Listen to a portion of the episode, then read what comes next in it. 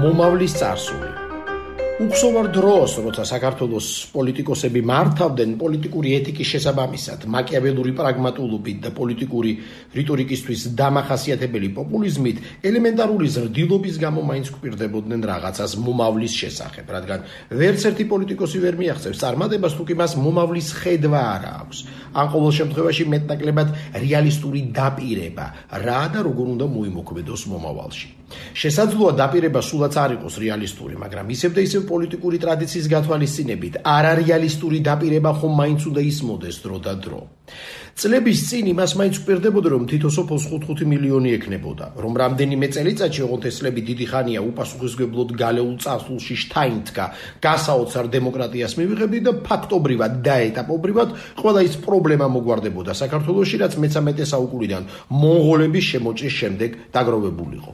ბოლოს და ბოლოს ოცნებას მაინც ვპირდებოდნენ სხვა თუ არაფერი, მაგრამ ახლა ოცნებას ვიღაჩივი შედარებით დამაჯერებულ ტყულსაც კი ვეღარ იგონებ, რათა მართველი პარტიის ყველაზე სასოწარკვეთილმა გულშემატკივარმა მაინც მოიტყუოს თავი სინდის დამშვიდებულად.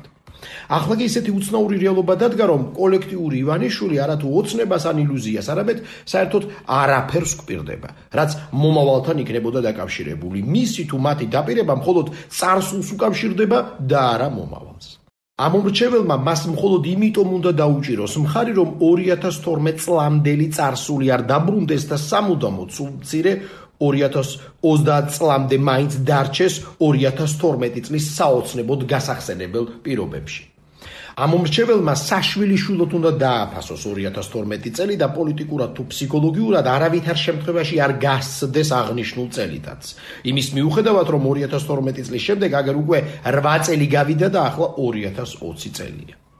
კოლექტიურ თუ კოლექტივის ივანიშვილს არაფერი აქვს შემოსათავაზებელი წარსულის გარდა. ეს კი არსებითად მომავალთან არის შეუთავსებელი, რადგან რაც არ უნდა მოხდეს, ან არ მოხდეს, ასე თუ ისე დრო მაინც გავა. კალენდარს ვერაფერს მოუხერხებ და მომავალს ვერ გააუქმებ, ისევე როგორც ცხადია წარსულს. ოცნებას იდეა არ აქვს.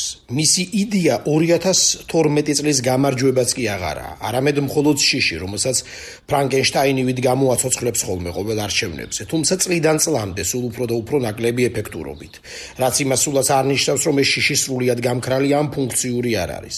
დაპირებად კი მხოლოდ ის გადარჩენია, რომ მომავალი წარსული იყოს. ოღონდ ისეთი რომ არც უკან ჩავწდეთ 2012 წელს და არც წინ გავუსწროთ დიდად. ანუ სულ იქ ვიყოთ. უკუნითი უკუნისამდე.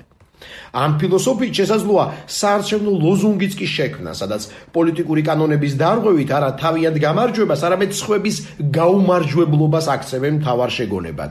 ჩვენ ვეღარაფერს გპირდებით მაგრამ ხმა მოგვეცით რათა არ დაბრუნდნენ მავანთა არ დაბრუნება, როგორც მთავარი და ერთადერთი პოლიტიკური იდეა.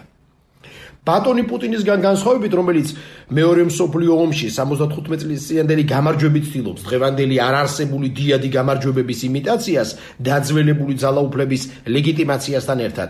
ჩვენს მართველ 2012-იანელს მეტისმეტად მცირე სივრცე აქვს манипуляციისათვის, რადგან შეუძლებელია მუდმივად გეიმედებოდეს, 2012 წლის არჩევნები, როცა ეს უკვე მხოლოდ ისტორიკოსებს აინტერესებთ.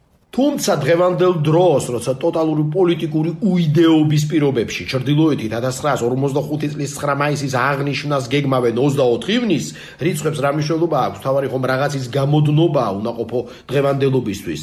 და როცა ეს სამწუხარო ჯერაც მრავალზე ახდენ შტაბეშტილებას, არც ის იქნება გასაკვირი, რომ კოლექტიური ივანიშვილის 2012 წლის ილუზიამ კიდევ ერთხელ შეძლოს აწმყოდ დამკვიდრება. როცა ფიზიკის, დროის, მორალის თუ ისტორიის კანონების მიუხედავად წარსული კვლავაც იმედგამაცრუებლად დაჯაბნის მომავალს.